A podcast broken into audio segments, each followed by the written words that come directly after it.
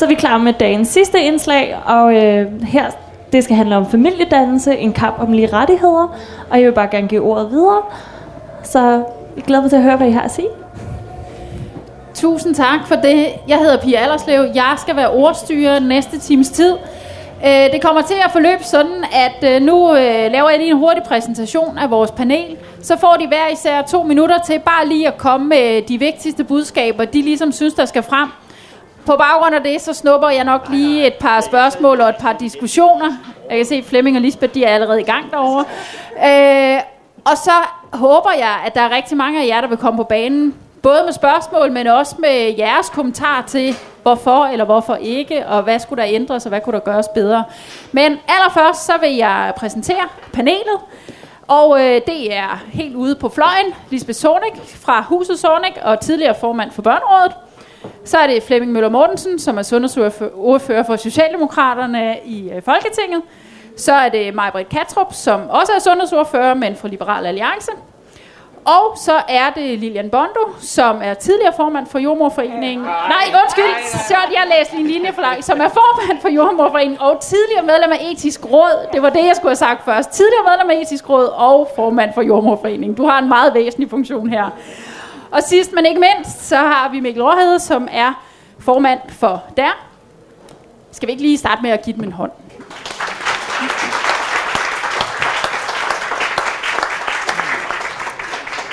Godt. Og øh, det gode ved at være ordstyrer, det er, at det er mig, der bestemmer. Øh, og jeg har simpelthen bestemt, at vi tager den helt nemme rækkefølge. Så de to minutter øh, starter vi med dig, Mikkel.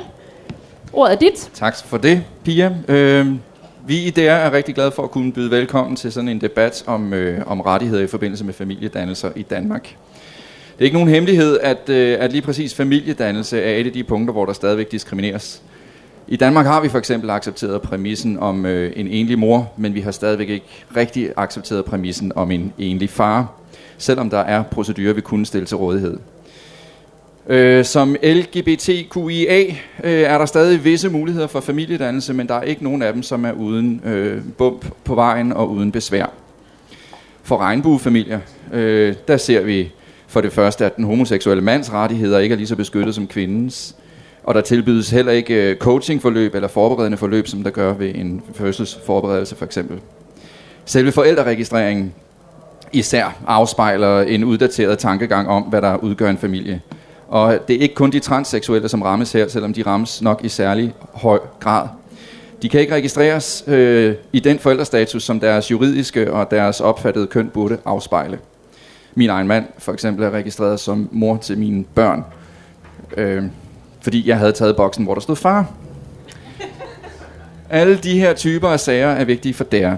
Vi kæmper for ligestilling for alle former for familiedannelse, og herunder også de ovennævnte, førnævnte problemstillinger. I dag har vi valgt at, at lægge fokus på surrogasi, og det gør vi, fordi at øh, så længe det er forbudt herhjemme, øh, så er der en meget vigtig proces for familiedannelse, der bliver fjernet for os alle sammen. Perfekt. Tak for det, Mikkel så giver jeg ordet videre til dig med det samme. Øhm, som jordmor har jeg i mere end 30 år arbejdet med familiedannelse, og jeg forstår længslen efter at få børn, både hos mænd og kvinder.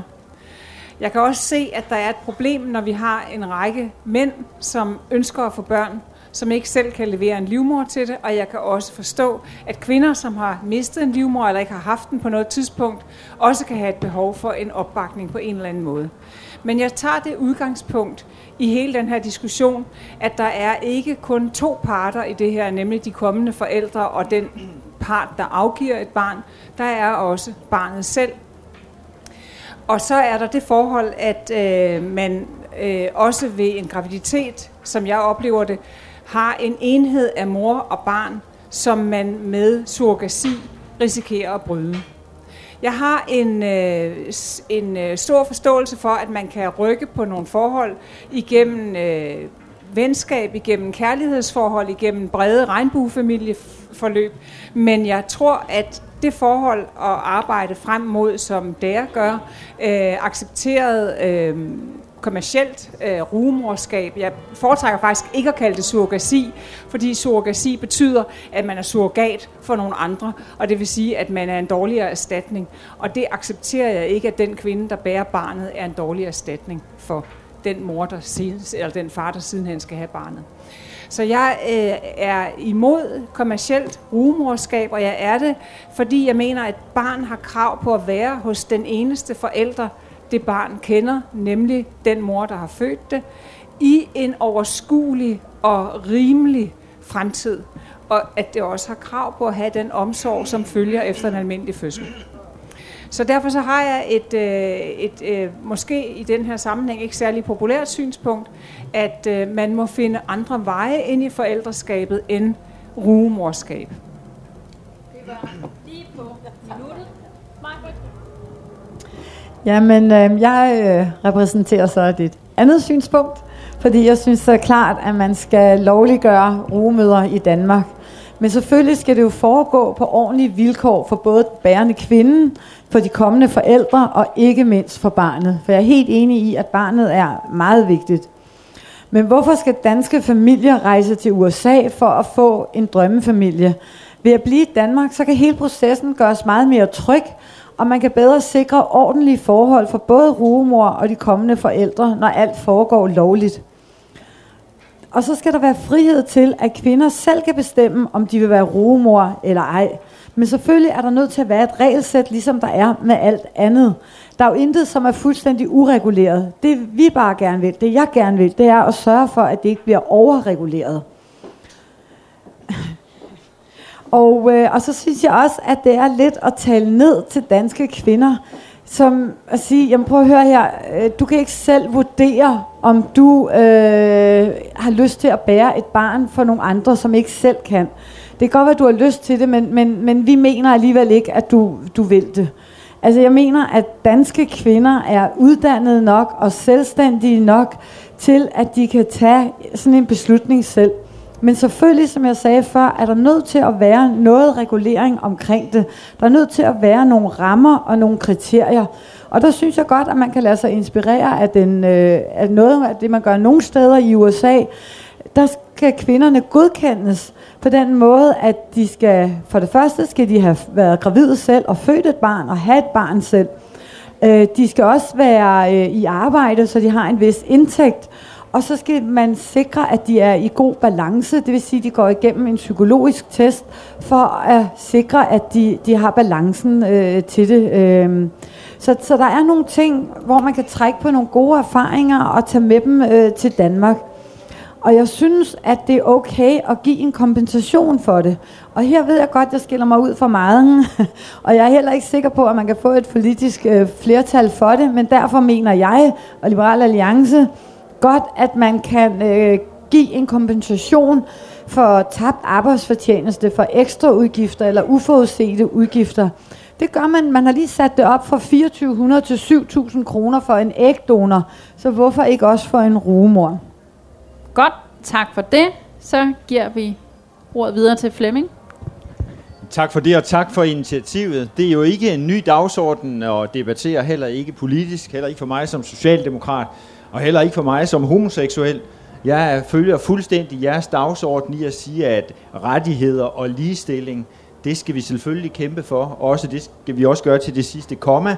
Men der er selvfølgelig også en diskussion af, hvad der er ligestilling og hvad der er rimeligt i forhold til, til kønnene. Jeg har den øh, oplevelse og den øh, tanke i forhold til øh, rugemøder, at jeg dels har jeg arbejdet i Indien, men jeg har også besøgt øh, en øh, ruge mor klinik i Indien med sundhedsudvalget.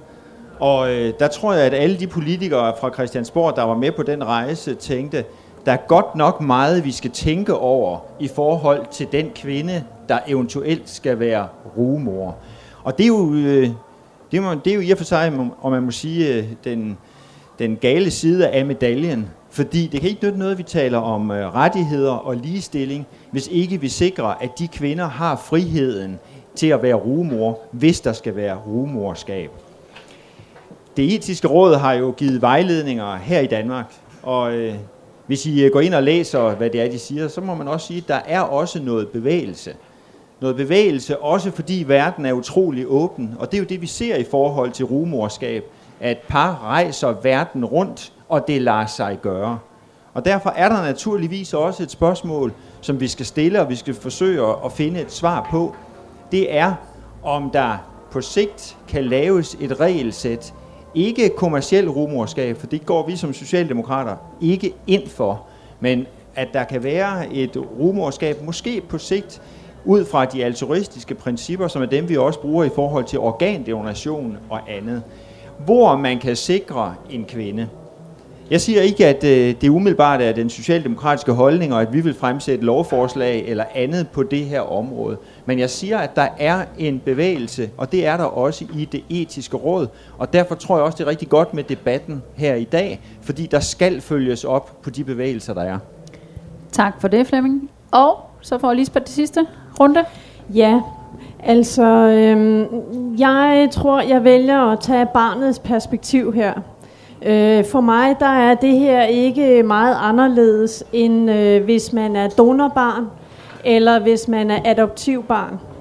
Øh, det handler noget om, hvornår man starter øh, livet, hvor, øh, og hvem der er inde over, hvornår. Øh, man kunne også argumentere for, at øh, det er bekymrende eller øh, på anden vis øh, et problem, hvis man er donorbarn eller hvis man er adoptivbarn. Det kan godt være i nogle sammenhæng. Men det faktum er, at den rettighed har man i dag. Den har vi mulighed for, og en gang imellem, så kan man godt tænke, at der er nogle børn, der kommer i klemme her. Øh, for eksempel kender jeg øh, Mikkel fra, øh, fra Rødovre, som... Øh, øh, og Magnus, de brødre, øh, de går rundt med sådan en lille sædel i deres pung, hvor de har deres øh, fars øh, Øh, øjenfarve og, øh, og højde og uddannelse. Det er det, de ved om deres far, fordi de er donorbørn. De vil selvfølgelig rigtig gerne have lov at finde den her far. Det kan de ikke, fordi han var anonym. Jeg synes godt, man kan tage meget af den diskussion og rykke over på, øh, på øh, surrogasi-børn eller rugemøderbørn, at hvis vi kan sikre de her børn nogle rettigheder, som for eksempel retten til faktisk at lære den her rumor at kende, hvis det er det, de gerne vil. Øhm, rumoren skal selvfølgelig også have nogle rettigheder, men nogle grundlæggende rettigheder, som rækker ud over øh, fødselstidspunktet. Øhm, så kan jeg ikke se det anderledes, men jeg er også enig med dig, Lilian, i, at selvfølgelig, jeg har, vi ved jo ikke rigtigt, hvad der sker i mors liv og tilknytning. Jeg har selv fået fem børn, og jeg, jeg vil påstå, at der sker mange ting. Meget udveksling. Øh, men vi ved det faktisk ikke. Øh, hvis alternativet, fordi det er der jo også nogen, der snakker om, er at bruge en kunstig livmor, så begynder jeg at tænke, fordi det ved jeg også, der er nogen i etisk råd, der siger, ikke? så vil jeg da hellere, at mit barn bæres af en rumor med et bankende hjerte, og en lyst til at bære et barn, øh, og give det videre til en anden. Og så vil jeg sige, der skal ikke komme penge ind imellem, fordi så er det, jeg bekymrer, bliver bekymret for, at det kan udarte sig til egentlig menneskehandel. Og vi skal gøre det lovligt i Danmark, fordi ellers så køber man de her børn andre steder. Godt. Tak for det. Det var første runde, og jeg tror egentlig, selvom det er et meget vanskeligt emne, så er, øh, så, så er jeg i hvert fald ikke i tvivl om, hvad sådan de enkelte øh, har af bekymringer i forhold til det her. Øh, og det her telt er jo et telt, hvor vi skal diskutere menneskerettigheder. Og derfor er det måske også øh, ret relevant at kigge på barnets tag, kigge på, øh, på øh, øh rumorens tag, kigge, eller på de rettigheder, der følger med der. Men jo i virkeligheden også tage den diskussion, som jeg også hørte dig tage, Lilian, med, hvad er, altså er det en menneskeret, eller er det er man nødt til at gå andre veje, tror jeg, du fik sagt, øh, for at få det forældreskab, man gerne vil have. Så det er sådan i de baner, vi kommer til at bevæge os. Men jeg havde selvfølgelig allerede forudset, at der var en masse øh, fingre i panelet, så dem tager vi lige lynhurtigt med meget korte kommentarer til noget af det, der er blevet sagt, for det kan være, det lige opklarer noget af det, der er blevet sagt fra de andre. Lilian, du får ordet først. Jamen, jeg vil lige gribe fat i den, som Lisbeth var inde på med adoption. Det er en almindelig ting at fremføre, at jamen, i går da ind for adoption, hvorfor så ikke også rugemorskab? Og der synes jeg, der er en væsentlig forskel på, at barnets behov til gode ses ved adoption. Barnet har antageligt et behov for omsorg, som ikke kan gives i den biologiske familie eller på det børnehjem, hvor det bor. Så der synes jeg, der er en stor forskel. Den anden ting er den omkring menneskerettigheder. Den omkring kvinderettigheder. Det virker lidt underligt, at øh, Majbrit fremhæver, at det kan jo være kvindens egen rettighed at bestemme, om hun vil bruge sin krop til det her. Men samtidig så kan vi se på verdensplan, at der er en bevægelse i retning af, at kvinder adskilles fra deres fostre. At der bestemmes over gravide kvinder kvinder på tværs af kvindernes egne ønsker, men angiveligt med hensyn til, at fosteret skal have en bestemt behandling eller en bestemt håndtering. Og det vil sige, at man driver en kile ned imellem den gravide kvinde og det barn, hun bærer.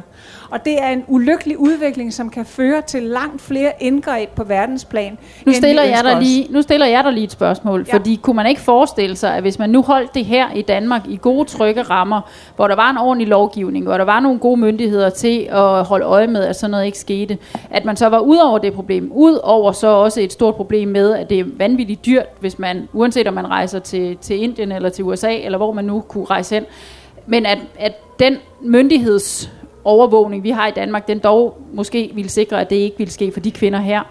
Det kunne man, og man kan jo stadigvæk sige, at den mulighed foreligger i Danmark med altruistisk rumorskab, men det er min opfattelse, at der Danmark går ind for, at man laver en regulering, der sikrer, at barnet ikke tilhører den kvinde, der bærer det, men kommer til at være barn af de intenderede forældre.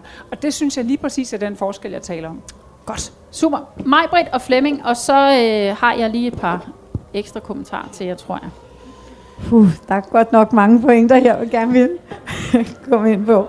Men med hensyn til adoptivbørn, altså jeg synes, der er den forskel, netop at den omsorg og den kærlighed, som Lilian taler om, at de, at de får ved at blive adopteret væk, fordi det åbenbart ikke kan lade sig gøre måske. Det behøver jo ikke kun at være derfor, men altså at det kan være en af årsagerne. Forskellen på et rumorbarn og et adoptivbarn er, at barnet af en rumor bliver født ind i, fra starten af i det, i, i, i det parforhold, hvor man skal vokse op, og hvor der formentlig er rigtig meget kærlighed og omsorg og trygge rammer. Når man tænker på, hvad sådan et forældrepar skal gå igennem for at få øh, barn af, af en rugemor, så er det jo virkelig, virkelig et ønskebarn.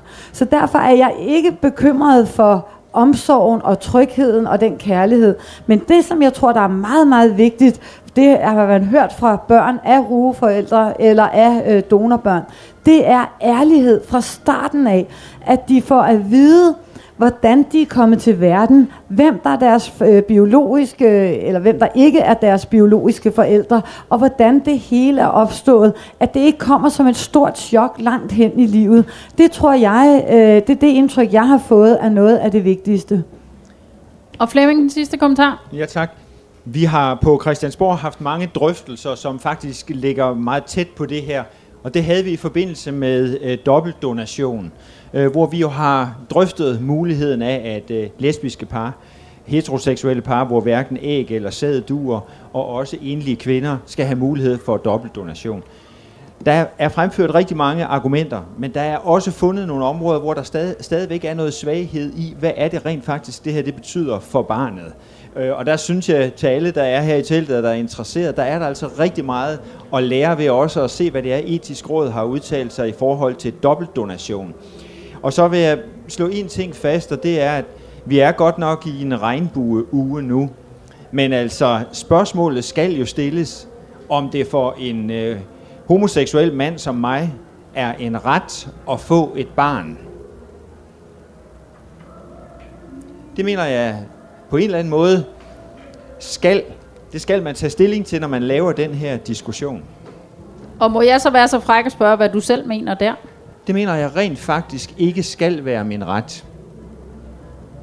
Jeg har til gengæld sagt, at jeg synes, at hvis vi kan lave en rammesætning omkring øh, rumorskab, som er alt- altruistisk, og som på en eller anden måde sikrer den sårbare kvinde, som skal bære et barn, så tror jeg, at vi kan komme et stykke af vejen i løbet af forholdsvis kort tid.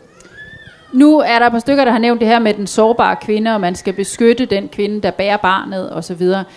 Øh, man kunne jo måske også spørge sig selv, om de kvinder, vi har i Danmark, og mig var en lille smule inde på det, øh, om, om de er så sårbare. Altså, vi, de fleste af os, der står heroppe, har øh, prøvet det at være gravid, og det gør selvfølgelig sårbar i den øh, sådan emotionelle model. Øh, men de kvinder, som er tænkt ind i det her, kunne man ikke tillade sig at tro, at de ligesom var stærke nok, vidste, hvad de gik ind til? Eller er det en bekymring, øh, Flemming? Du, du, øh... Jo, det er præcis det, jeg siger.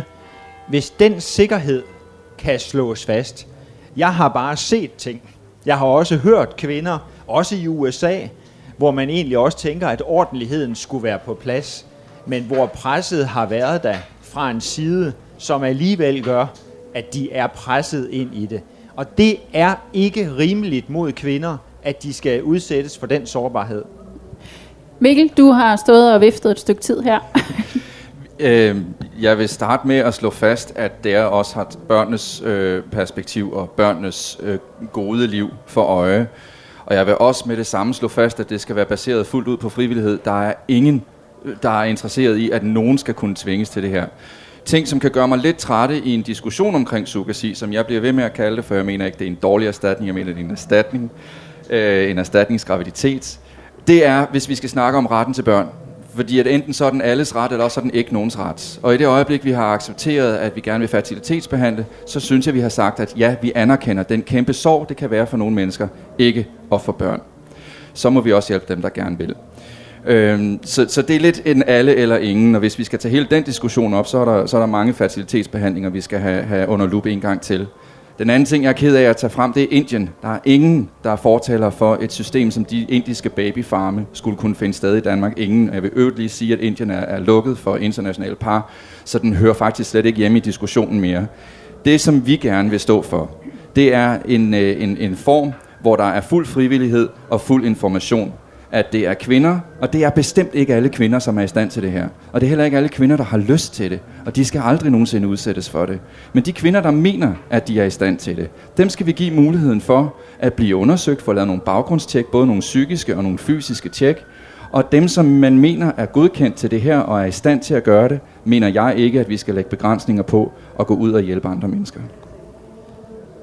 Ja, og Lisbeth, nu har alle de andre også ja. fået lov, så får du også lov. Det er jo det. Jamen altså, jeg undrer mig, det lyder måske lidt mærkeligt, fordi så skulle jeg ikke stå her, men jeg undrer mig faktisk lidt over den her diskussion, fordi jeg synes, der er så mange andre gakkede ting, og jeg synes ikke, det er gakket, men der er mange andre gakkede ting, der foregår i Danmark.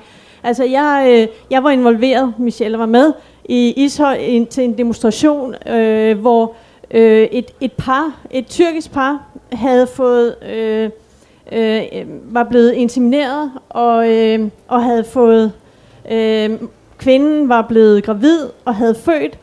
Øh, det var på det offentlige regning. Ude på fødeafdelingen, der stod de sociale myndigheder klar til at fjerne barnet, fordi at øh, forældrene blev vurderet til at være ikke øh, forældreegnet. Øh, det kan vi godt tillade i Danmark, fordi at fertilitetsbehandling bliver betragtet som en medicinsk behandling, som alle har ret til, men alle har ikke ret til at have børn, hvis de ikke... Øh, nej, men det var faktisk det, der var tilfældet i, det her, øh, i den her situation, at man vurderede, at de her forældre var ikke egnet, men der var et medicinsk system, som bare gik i gang og lavede den her insemination. Og så kan man godt begynde at diskutere, kan vi prøve at tage sådan, altså tage fat i det også, inden vi begynder at tage fat i, øh, det her, som egentlig bare handler om, hvordan er det, et barns liv starter, hvor der er nogle kærlige forældre, der har længtes efter det her barn til at tage imod det. Godt. Men det var ikke for at aflive den. Uh, nej, det er godt. Det er vi glade for. Vi har også en halv time tilbage, så der er masser af ting, vi skal nå at diskutere. Og nu kigger jeg lige rundt her og ser, om der er nogen, der har kommentarer eller spørgsmål, fordi så øh, kommer der simpelthen en løbende med en mikrofon. Det er så tjekket det her. Og hvis man lige for god ordens skyld, for os, der ikke, eller for de, der ikke lige kender, så bare lige sige øh, navn, så vi ved, hvad... Hallo, ja. Øh, Søren Laversen, LGBT Danmark. Jeg synes, det her det er en smadret spændende øh, diskussion. Øh, og der er nogle ting, jeg synes, vi skal være vigtige, øh, der, der er vigtige, når vi laver den her slags diskussion, blandt andet ordbrug. Og, og i den her sammenhæng, der har jeg plæderet i, i mange år for, at, at vi øh, ikke bruger de her lidt fremmedgørende ord som surrogasi. Det synes jeg er et, et, et fremmedgørende ord. Jeg synes, rugemoderskab er et, øh, er et negativt ord. Øh, jeg synes, vi skal tale om svangerskabsdonation. Jeg synes, vi skal have det over i donationsregimet, fordi det er det, det handler om. Det er jo det, vi taler om her. Der er ingen af os her, der, der taler om øh, øh, øh tvang og så videre. Det er alle er enige om, at det vi taler om her, det er, øh, øh det er, øh, det er altruistiske. Så jeg synes, at vi skal hæve det over i donationsregimet. Øhm, og så vil jeg gerne øh, bemærke, at øh, det her med, øh, med, med kendskab til øh, det biologiske ophav og så videre, det, det er noget, der meget tit bliver hævet frem i øh, regnbuefamiliediskussionerne.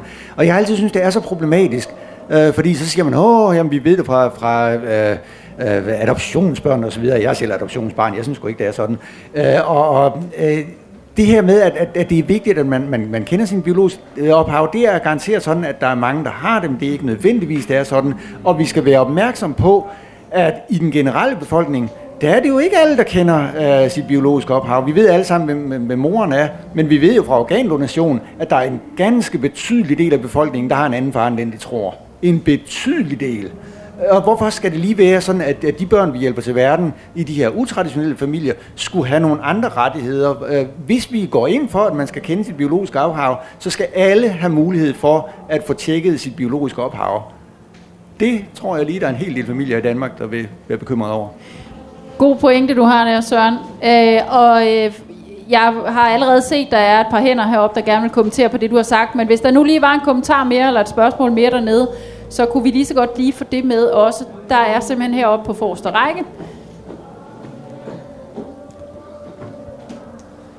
Hej, jeg hedder Kasper, og det er nok godt lige at lave en disclosure, der hedder, øh, som lige siger, jeg også er medlem af der. Øh, så, så, så, øh, så det er også lige lægger med i min forspørgsel. Men jeg vil egentlig spørge dem af jer, som sidder på borgen i forhold til den lovgivning, vi har omkring altruistisk surrogasi herhjemme, at det faktisk er lovligt, hvis du har en veninde eller en søster, der gerne vil bære dit barn for dig som par, hvis du ikke øh, selv kan få.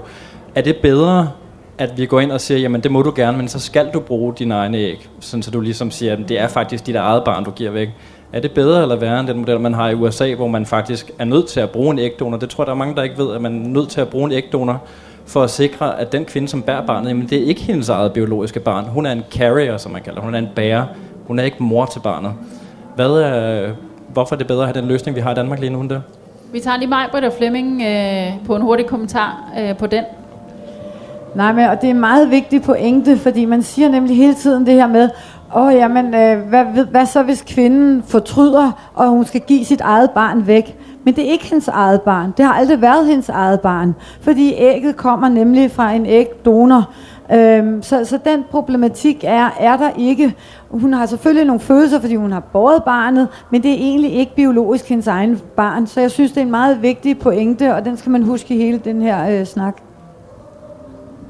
Nej, jeg vil umiddelbart sige, at øh, nej, det er ikke fordi, det letter vilkår eller noget andet. Altså det regelsæt, det har vi i Danmark, og det er jo ligesom vores udgangspunkt for at tage den fremtidige diskussion, vil jeg sige. Øh, måske koble lidt svarene også til det, Søren Laversen siger. Jeg synes, øh, den seneste viden, og vi skal jo hele tiden prøve at blive klogere på, hvad det her betyder for barnet. Jeg synes øh, igen, øh, det vi drøfter i øjeblikket i forhold til dobbeltdonation, hviler egentlig på nogle rigtig fine analyser og gode udsagn, som igen kommer fra det etiske råd. Hvilken betydning har det for barnet? Og jeg tror, vi har tillagt den betydning, for stor betydning tidligere. Øh, og det tror jeg på en eller anden måde, vi kommer til at skal revidere. Maja, du havde lige en hurtig kommentar tilbage på den. Ja. Det er bare fordi, jeg vil gerne sige, at alle de erfaringer, man har gjort sig med øh, børn, som har problemer med ikke at kende sit øh, ophav og identitetskriser, de kommer jo fra adoptionsbørn, som fra starten af er født i en familie og bliver flyttet til en anden familie. Og det er ikke det samme som børn af rugemøderskaber, som bliver født til den familie, hvor de vokser op. Så de har fra starten og hele livet lever i den samme familie, hvor adoptionsbørn altså bliver flyttet. Og vi har jo ikke noget statistisk grundlag for rigtigt at sige, hvordan børn af rugemøder øh, har det endnu. Så alt det statistiske materiale, man har, og alle de udtalelser og konklusioner, man kommer omkring det her, det kommer fra adoptionsbørn, og jeg mener ikke, det er helt det samme. Lilian, du har også øh, haft øh, hånden op et par gange nu. Øh, der er faktisk undersøgelser i forhold til... Øh til børn af rugemødre, børn i nye familier efter rugemorskab. Og de viser ikke noget synderligt om, at det skulle være særligt dårligt. Altså der, de viser, at de klarer sig lige så godt som andre børn. De er nogle lykkelige og trygge børn. De har sikkert fået en god modtagelse i en kærlig familie, som du selv understreger. Det ændrer ikke ved det forhold, at man her planlægger med at fjerne et barn fra en mor. Man planlægger med det. Man laver det ikke som en nødløsning for et barn. Man laver et barn til at blive flyttet fra den mor, det er vokset i. Og det er jeg ikke en tilhænger af.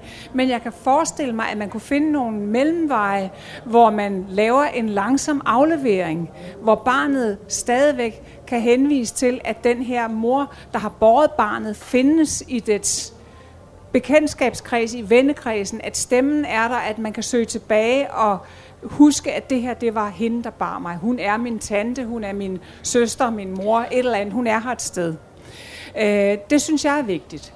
Den anden ting er, at når vi taler om marked i den her sammenhæng, og det er der jo nogen, der gør, når vi taler om det kommercielle rumorskab, så taler vi også om et marked. Og et marked vil altid blive udfordret på at søge noget, der er billigere. Så vi kommer ikke til at lukke for at finde sager, hvor det er det ulige varebytte, der er det dominerende i det her. Hvor det er den billigste mulighed, der kommer til at styre, hvad man søger som løsning for sin barnløshed. Og jeg er helt optaget af her, at man taler barnets tag, men jeg synes faktisk, hvis jeg må tillade mig også bare lige at smide øh, parets tag ind. Det par, som ønsker sig et barn, det par, som er en del af, af det her, øh, for at sikre, at, øh, at de så kan få det barn, de så brændende ønsker sig. Og øh, jeg har i hvert fald hørt nogle eksempler, og jeg ved, at Mikkel kan sikkert mange flere, men altså, jeg har hørt eksempler, hvor man jo har brugt den altruistiske model, og hvor man jo har indgået en aftale, men hvor så den kvinde, der har båret barnet, har fortrudt med lån i hånden, det er helt lovligt, har fortrudt ikke bare efter en måned eller to, men har fortrudt efter helt op til to og et halvt år, så vidt jeg husker. Er det det? Ja. Så man har to og et halvt års fortrydelsesret. Jeg vil nødig være det barn, bliver jeg bare nødt til at sige, som havde haft to og et halvt år med en familie, som barnet nu har en tilknytning til, for derefter så at skulle tilbage til en mor, der har fortrudt med lån i hånden. Der er ikke noget, hun gør ikke noget forkert rent lovligt eller rent juridisk. Men der tror jeg altså også, at vi er nødt til både at tale om barnets tag, men vi er også nødt til at forholde os til de menneskerettigheder, der er for par, der indgår de her aftaler. Så på et tidspunkt, om ikke så lang tid, så tror jeg, at vi begynder at snakke lidt lovgivning, og hvad er det for nogle setup, der skal være for, at man kan være tryg? Hvad skulle der til, hvis man nu kunne få jer til, og, eller få dig til at være med på den her? Men inden vi kommer dertil, så er der simpelthen lige et spørgsmål med nede i hjørnet der. Hvis der er en mikrofon, den kommer løbende.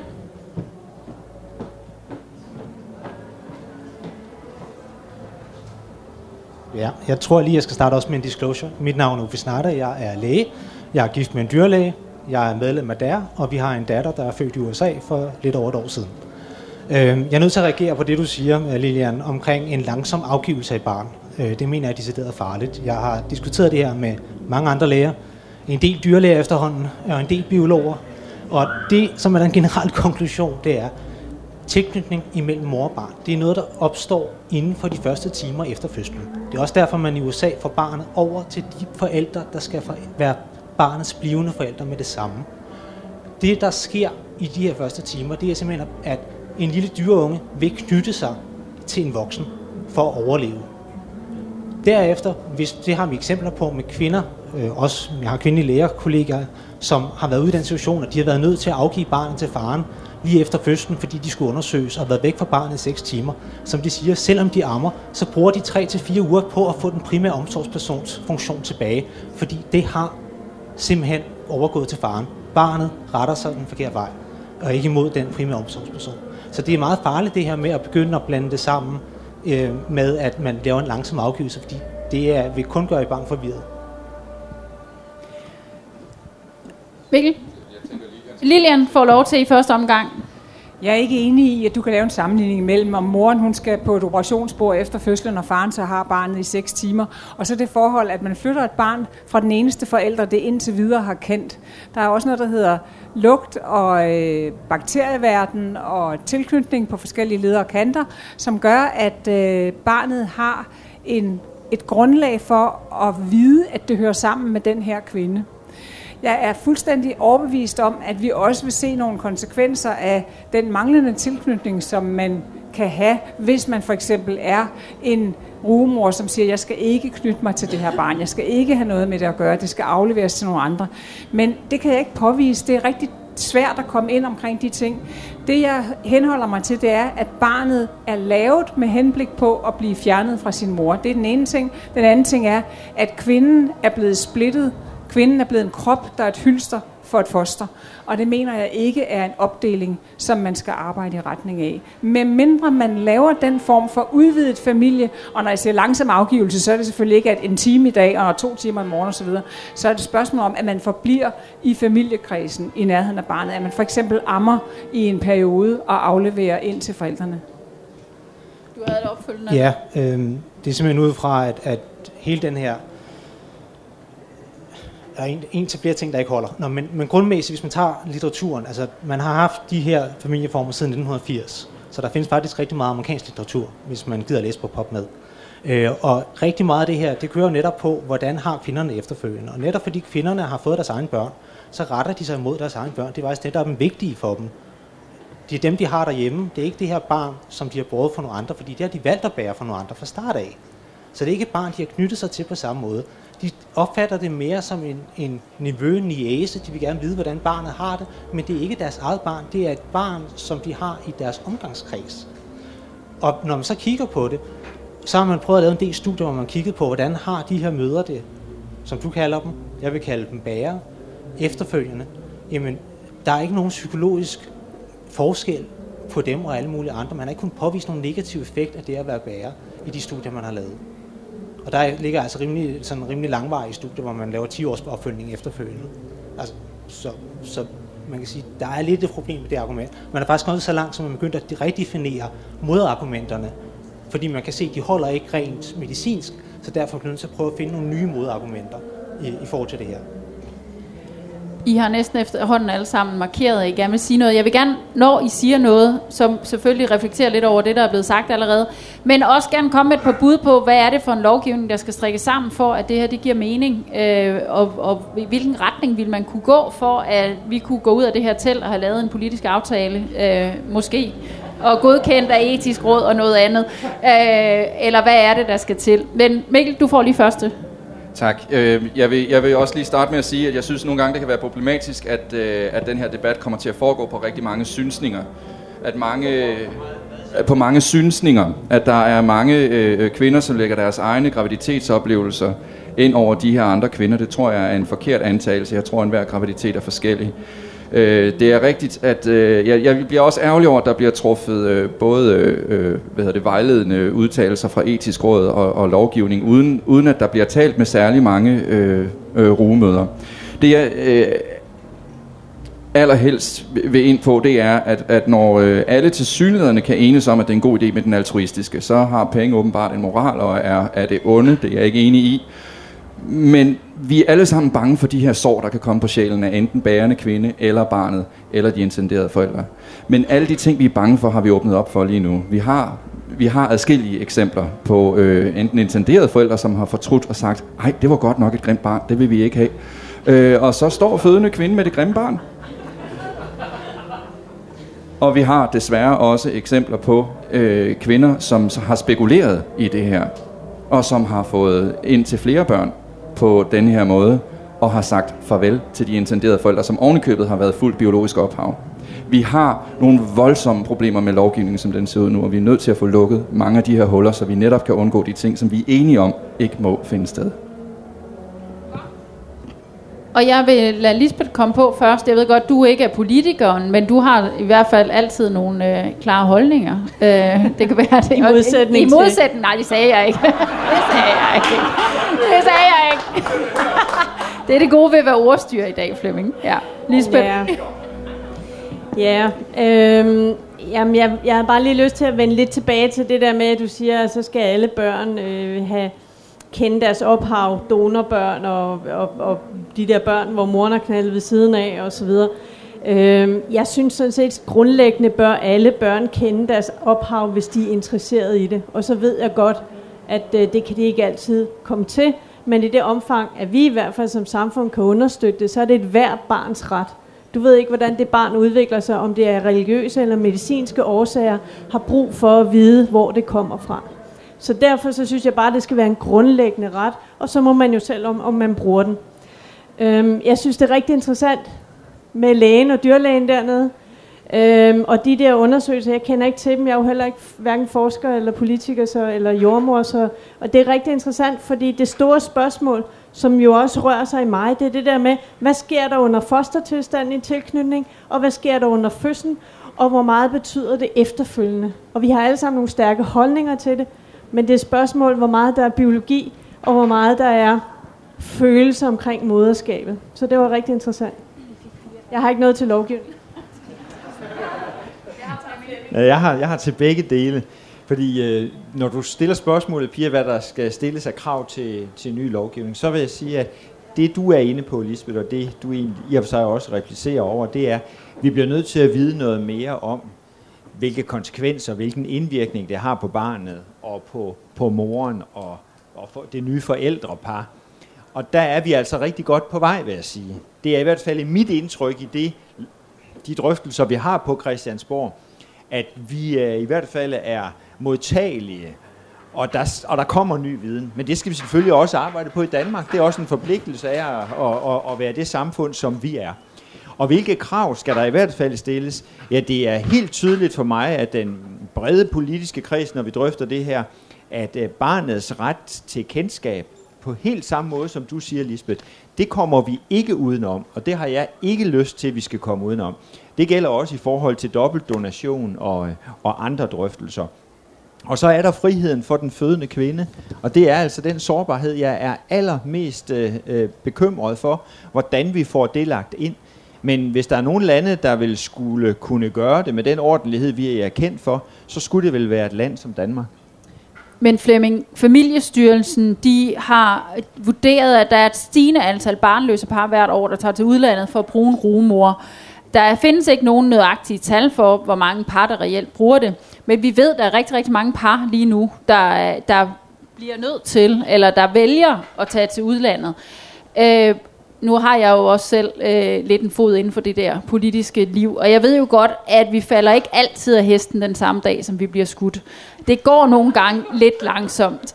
Øh, så de familier, der er i gang nu, enten med en proces øh, i udlandet, eller er i gang med at overveje, om det er det her, man gerne vil kaste sig ud i, altså, hvor, hvor langt er man på Christiansborg? Altså, det har, altså... Vi er ikke langt nok til, at jeg kan berolige de, de voksne, der går med de tanker.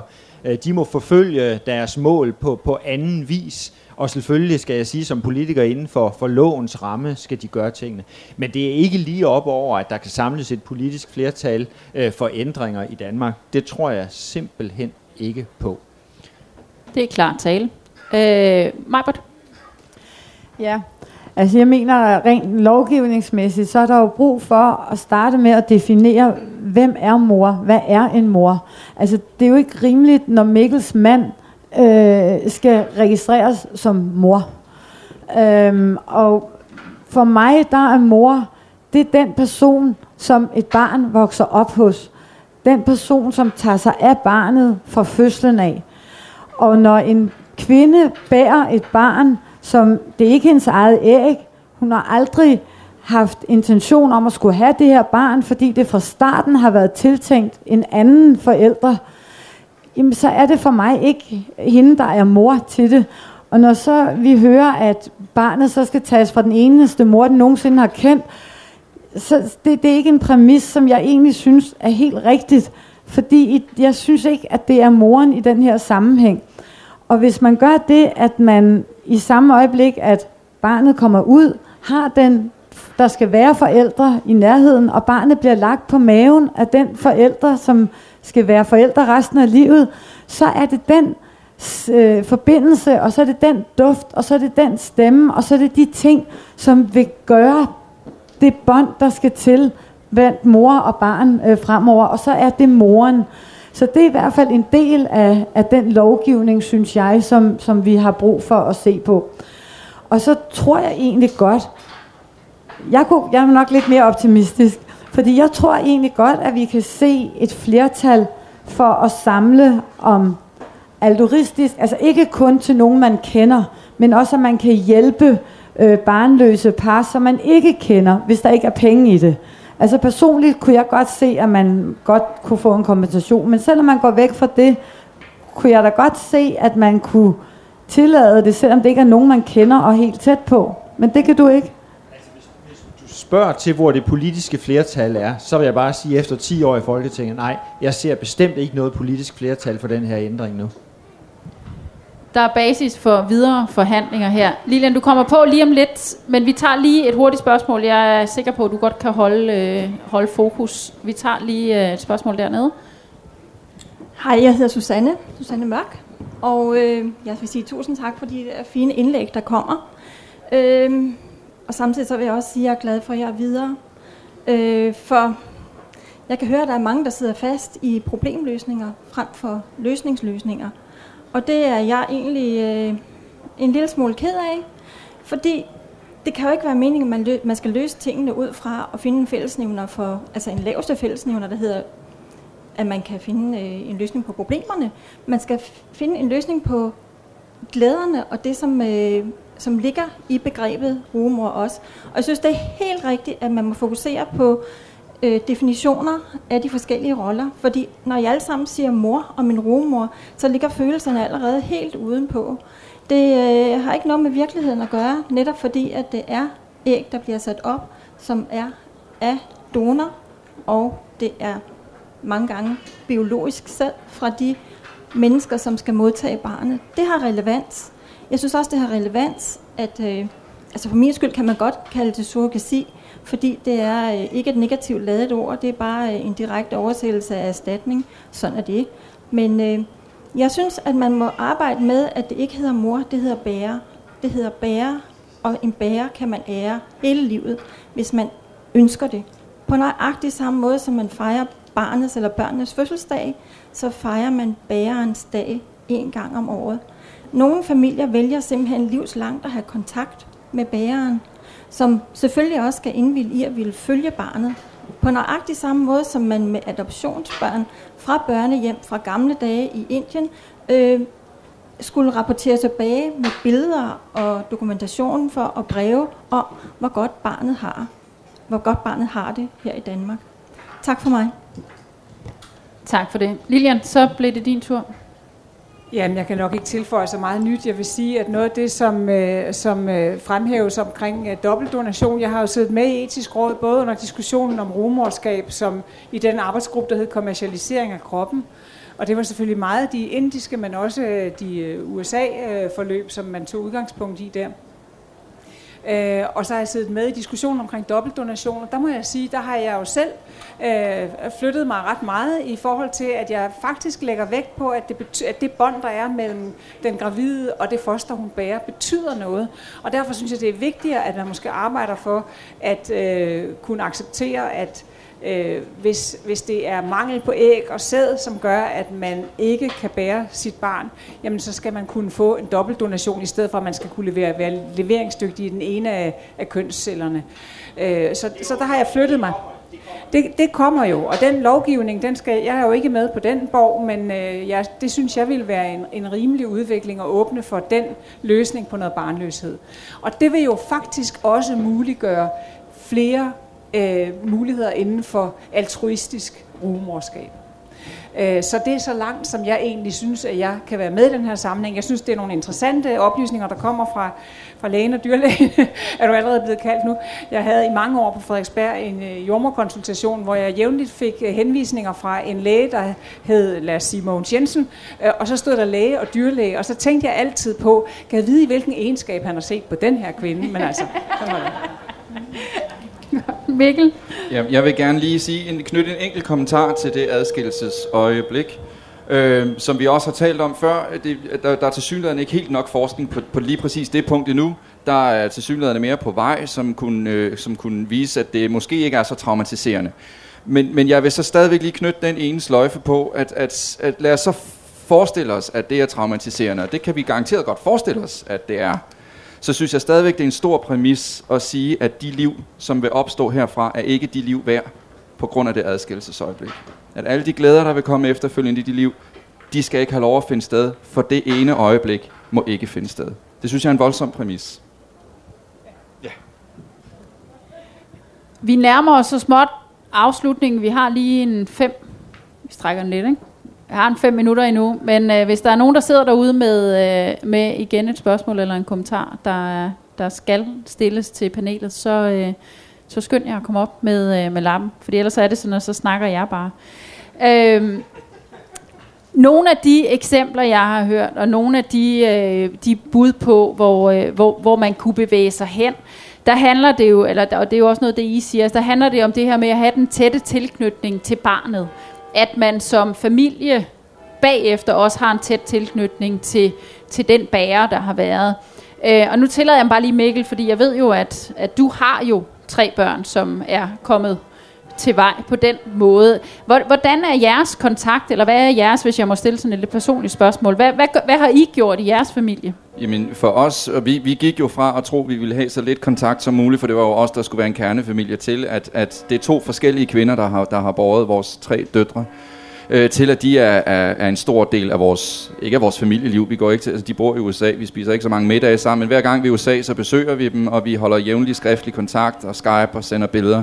Men jeg vil gerne understrege, at det, det er vores løsning, og det er det, der giver mening for os. Jeg synes jo, at det må være alle de intenderede forældre og alle de øh, individuelle bærere egen øh, øh, afgørelse. Der synes jeg ikke, at vi skal tvinge øh, nogen som helst former for forhold ned over hovedet på dem. Det, det må de selv øh, finde ud af. En del af magien, synes jeg jo faktisk ved surrogasi, er netop den matching-proces, og det er den, der er ekstra grundig, og det er derfor, at surrogasi er ikke noget, man beslutter sig for, så har man et barn ni måneder senere. For det er meget, meget vigtigt, at de rigtige intenderede forældre kommer til at kunne stole på den rigtige bærende kvinde. Det synes jeg er en del af magien. Jeg synes, det er et meget vigtigt element af surrogasi. Og det er så også noget af det, der gør den her proces øh, både tidskrævende, men også dyr. Øh, altså det er jo ikke alle for ondt i dag at kunne gøre det her, medmindre man finder den altruistiske model og gør det i Danmark. Øh, hvad, hvad er, og nu laver jeg sådan lige deres spørgsmål her, altså hvad, hvad er deres holdning i forhold til økonomien i alt det her? Hvor er, øh, hvor er man henne der i diskussionen på niveauet? Øh, jeg tror ikke, at vi er der, hvor vi har kunnet sætte et kroner og ørebeløb på. Vi synes, at det skal være kompenseret, og det synes vi er flere årsager. Vi synes, at de kvinder, som yder en, øh, en, en service, en ydelse for nogle andre mennesker, de skal kompenseres for den. Hvilket leje det ligger på, tænker jeg må være en politisk beslutning, øh, som, som, som jeg ikke vil blande mig i, men, øh, men, men kompenseres, det skal det. Og ja, det vil så gøre, at der er nogen, som ikke nødvendigvis kan. De kan stadigvæk ikke tage til Indien for, for den billigste løsning, og jeg tror, alle intenderede Nej, men de vil, du siger, du, du mener, de vil søge væk for at finde den billigste. Det mener jeg ikke nødvendigvis, fordi hvis den billigste ikke er etisk, jeg, jeg har ikke mødt et sæt intenderede forældrepar, som siger, jeg er sgu ligeglad.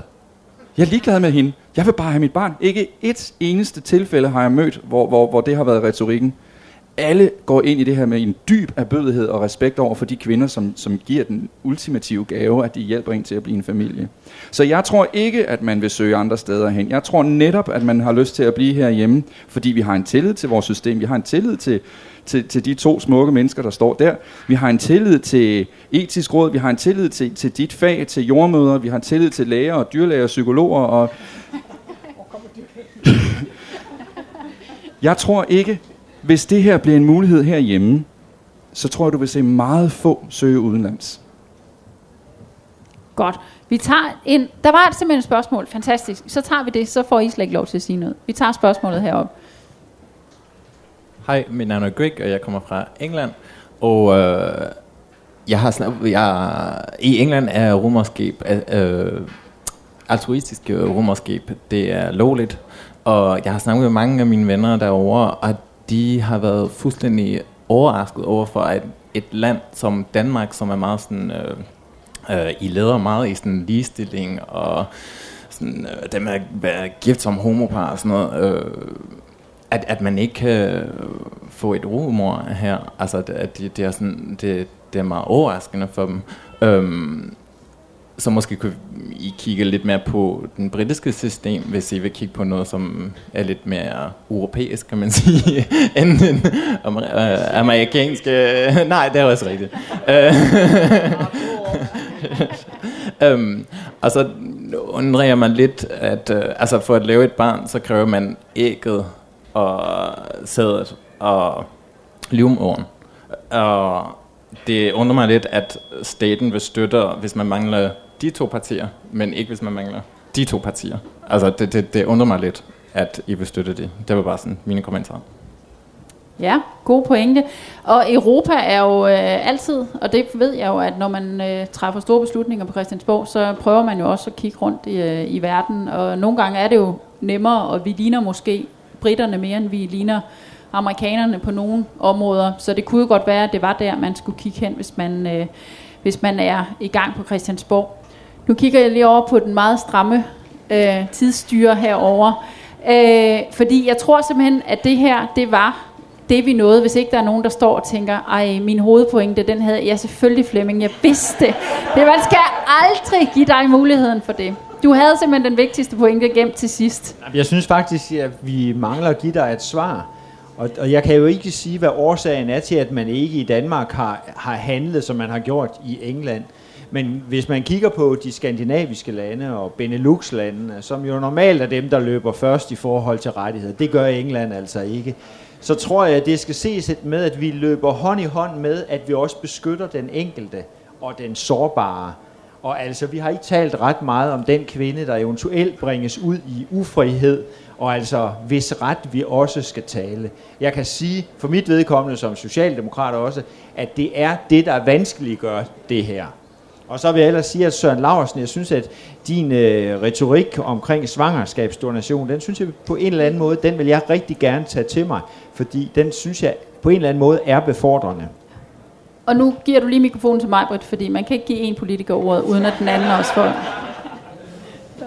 Jamen, øh, du tog næsten ordet fra mig, fordi det er rigtigt, det var en øh, god definition, som vi skal gå videre med, og det er det samme som bager, øh, også i stedet for at kalde det mor.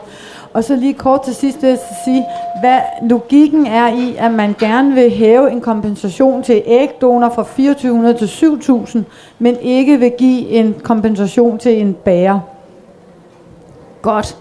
Og med de ord, så øh, synes jeg, at vi lige først og fremmest klapper af panelet og siger tusind tak til dem.